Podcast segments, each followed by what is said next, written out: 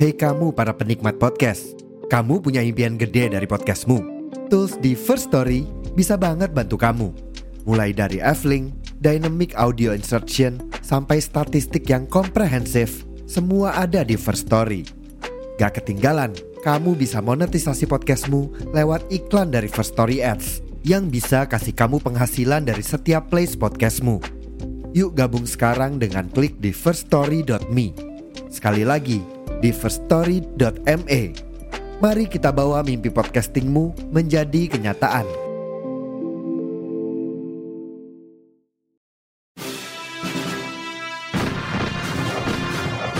Saya berbicara di sini sebagai penyambung lidah rakyat Indonesia.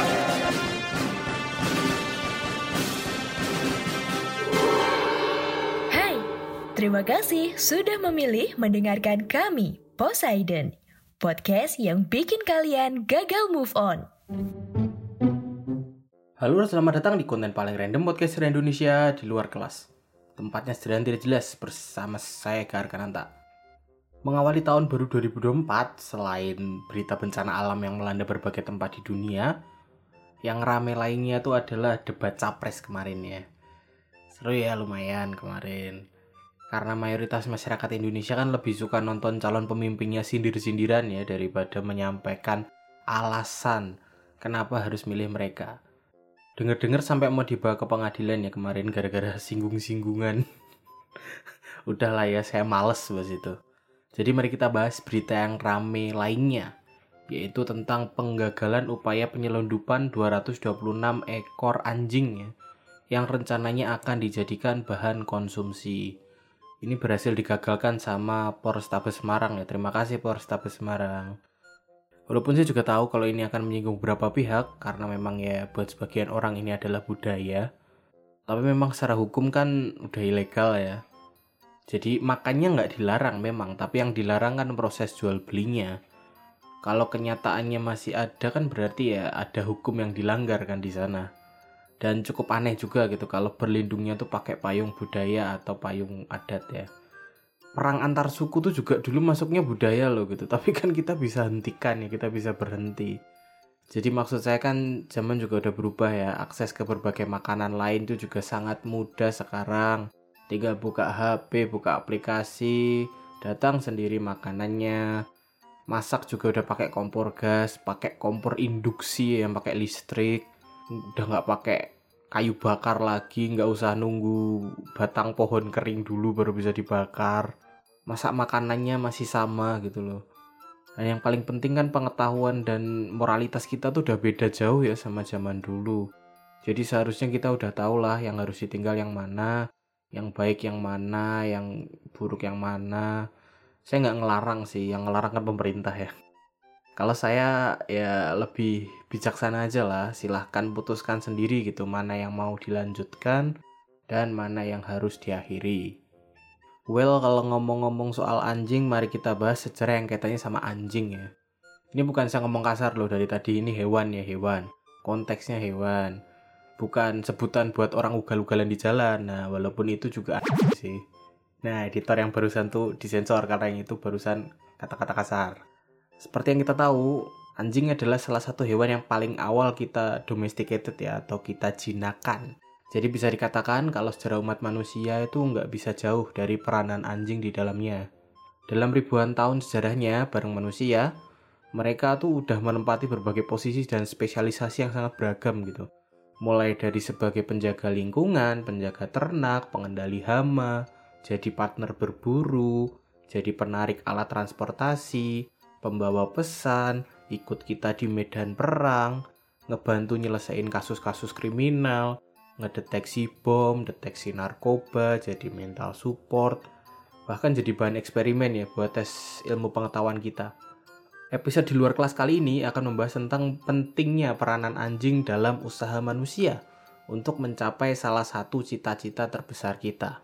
Tentang bagaimana kisah beberapa anjing jalanan ini tuh dapat membantu kita untuk akhirnya dapat mencapai luar angkasa dekade 1950-an dan 1960-an, dua superpower yang kala itu lagi perang dingin ya, ini tuh sedang balapan mati-matian untuk menunjukkan kehebatan mereka di hadapan seluruh dunia ya dengan cara jadi yang pertama untuk sampai ke luar angkasa. Periode yang kita kenal sebagai space race ini melibatkan ribuan individu tercerdas yang masing-masing negara itu miliki, serta melibatkan ratusan kali percobaan dan kegagalan. Ya kalian juga tahu sendiri ya kalau tes-tes ini kan pasti nggak langsung pakai manusia. Nyobanya tuh pasti ke makhluk-makhluk hidup yang lain dulu gitu, baru ke manusia. Baik Amerika Serikat maupun Uni Soviet sebenarnya masing-masing tuh mencoba mengirimkan berbagai jenis makhluk hidup untuk misi luar angkasa mereka. Tapi yang lebih terkenal ini adalah preferensinya Amerika Serikat untuk mengirimkan primata ya, terutama monyet-monyet yang ukurannya kecil Sedangkan Uni Soviet ini tuh punya preferensi untuk mengirimkan uh, pasukan anjing ya uji coba luar angkasa. Ya kali ini kita akan bahas yang dari Uni Soviet ya karena memang mereka terbukti lebih sukses dan juga lebih unggul ya dalam space race kala itu. Kenapa pihak Uni Soviet ini tuh lebih milih pakai anjing ya dan bukan pakai primata kayak Amerika Serikat?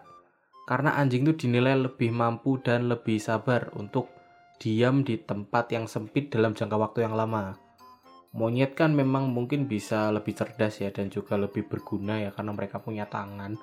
Tapi kalau pecicilan kan juga tidak berguna dong repot sekali. Selama dekade 50-an dan 60-an, program luar angkasanya Uni Soviet ini tuh mengirimkan sekitar 57 anjing untuk uji coba. Mereka menggunakan anjing jalanan atau anjing-anjing yang sebelumnya tuh liar ya. Karena dinilai mereka tuh lebih tahan stres dan juga tahan perubahan jika dibandingin sama anjing peliharaan ya sama anjing rumahan. Pihak Uni Soviet ini juga pakainya tuh cuma anjing betina ya yang ukurannya kecil. Karena memang desain alat dan juga sistemnya ini tuh dikhususkan buat anjing betina. Seperti astronot pada umumnya, anjing-anjing yang akan dikirim ke luar angkasa ini tuh juga dilatih untuk beradaptasi di lingkungan tanpa gravitasi. Mereka dilatih untuk terbiasa pakai spacesuit ya, terbiasa pakai baju luar angkasa mereka, terus juga dilatih buat buang air di alat yang udah ditentukan kemudian dilatih gaya sentrifugal dan juga dilatih uh, pakai simulasi roket gitu biar terbiasa. Sedihnya adalah seperti yang kita tahu nggak semua tes ini pasti akan berjalan dengan lancar gitu akan berhasil. Jadi walaupun secara jumlah yang selamat itu sangat banyak tetap saja ada beberapa tuh yang nggak selamat dalam menjalankan misinya ini.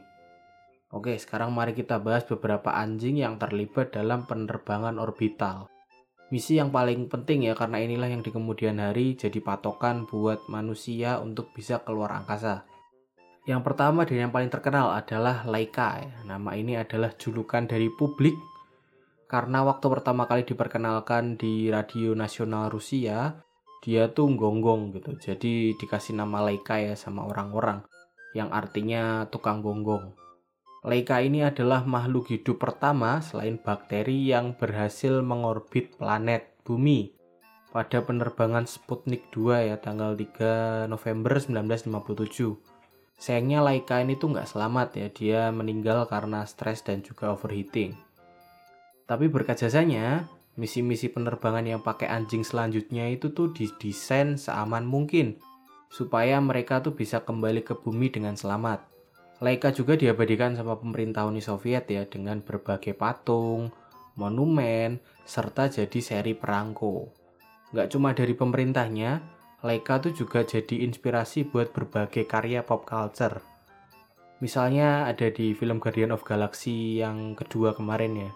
Ada karakter yang namanya tuh Cosmo the Space Dog yang merupakan seekor anjing luar angkasa dari Uni Soviet karakter ini jelas merupakan karakter yang terinspirasi dari Leica ya dan juga dihadirkan di film itu sebagai penghormatan buat si Leica. Kemudian di misi selanjutnya ada Bilka sama Srilka, sepasang anjing yang jadi makhluk hidup pertama yang selamat dari perjalanan luar angkasa. Keduanya itu berangkat pakai Sputnik 5 pada 19 Agustus 1960.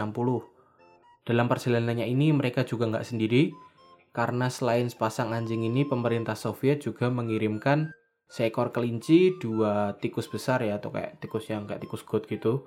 Kemudian ada 42 tikus rumah yang kecil, tikus yang kecil-kecil, kemudian lalat dan juga beberapa spesies tanaman dan juga jamur. Mereka semua selamat kembali ke bumi setelah mengorbit selama 27 jam. Yang unik di sini adalah beberapa bulan kemudian si Strilka ini tuh beranak dengan salah satu anaknya yang kemudian diberi nama Pusinka ini kemudian diberikan sama Perdana Menteri Uni Soviet kala itu Nikita Khrushchev kepada Presiden Amerika John F. Kennedy sebagai hadiah. Ya selain jadi gestur baik antara dua negara, Pusinka ini tuh sebenarnya adalah caranya Uni Soviet buat pamer gitu ya. Kami sukses gitu keluar angkasa. Bisa bawa pulang anjingnya ini, bisa beranak gitu. Ya, kemudian misi selanjutnya ini agak susah ya namanya. Bentar saya manggil orang Rusia dulu. Звездочка. Nah, itu tadi ya. Itu tadi suara bule kabur wajib militer. Si Звездочка. ini diberi nama sama Yuri Gagarin. Tahu dong ya siapa dia ya. Kalau nggak tahu ya silahkan kalian baca RPUL dulu. Звездочка. Ini merupakan uji coba terakhir sebelum Yuri Gagarin yang berangkat ke luar angkasa. Misi tanggal 25 Maret 1961 ini kemudian berjalan sukses dengan uji coba parasut yang juga berhasil.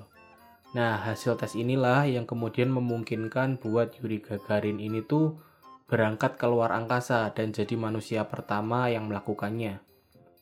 Kemudian yang terakhir ada Vitirok dan juga Ugalyok ya, dua anjing hardcore ya, yang mereka mengorbit luar angkasa tuh selama 21 hari. Mulai dari 22 Februari sampai dengan 16 Maret 1966.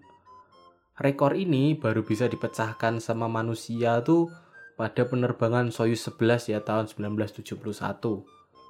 Nah, sekembalinya ke bumi, dua anjing ini tuh sempat mengalami berbagai masalah kesehatan dan masalah koordinasi ya karena ya terlalu lama tanpa gravitasi mereka udah terbiasa mengambang-ambang di luar angkasa. Tapi setelah beberapa bulan mereka akhirnya bisa sehat kembali ya mereka bisa normal dan tidak menunjukkan adanya efek jangka panjang sama sekali. Ya mungkin itu ya buat episode kali ini ya. Apakah dari kalian dulu ada yang cita-citanya jadi astronot? Saya juga ya dan ya sayang sekali kita ternyata kalah sama anjing. Silahkan tulis pendapat kalian ya di bawah di kolom Q&A atau kolom komentar. Sesuai dengan platform tempat kalian mendengarkan. Terima kasih udah dengerin sampai habis. Kalau punya kritik, saran atau ada ide bahasan, silahkan dikirim ke Instagramnya Poseidon di @podcast underscore Indonesia atau ke Instagram pribadi saya di @rotikecap. Jika ada kesalahan, saya mohon maaf sebesar-besarnya. Saya Eka Rekananta pamit. Sampai bertemu di konten Poseidon yang lainnya. Bye-bye.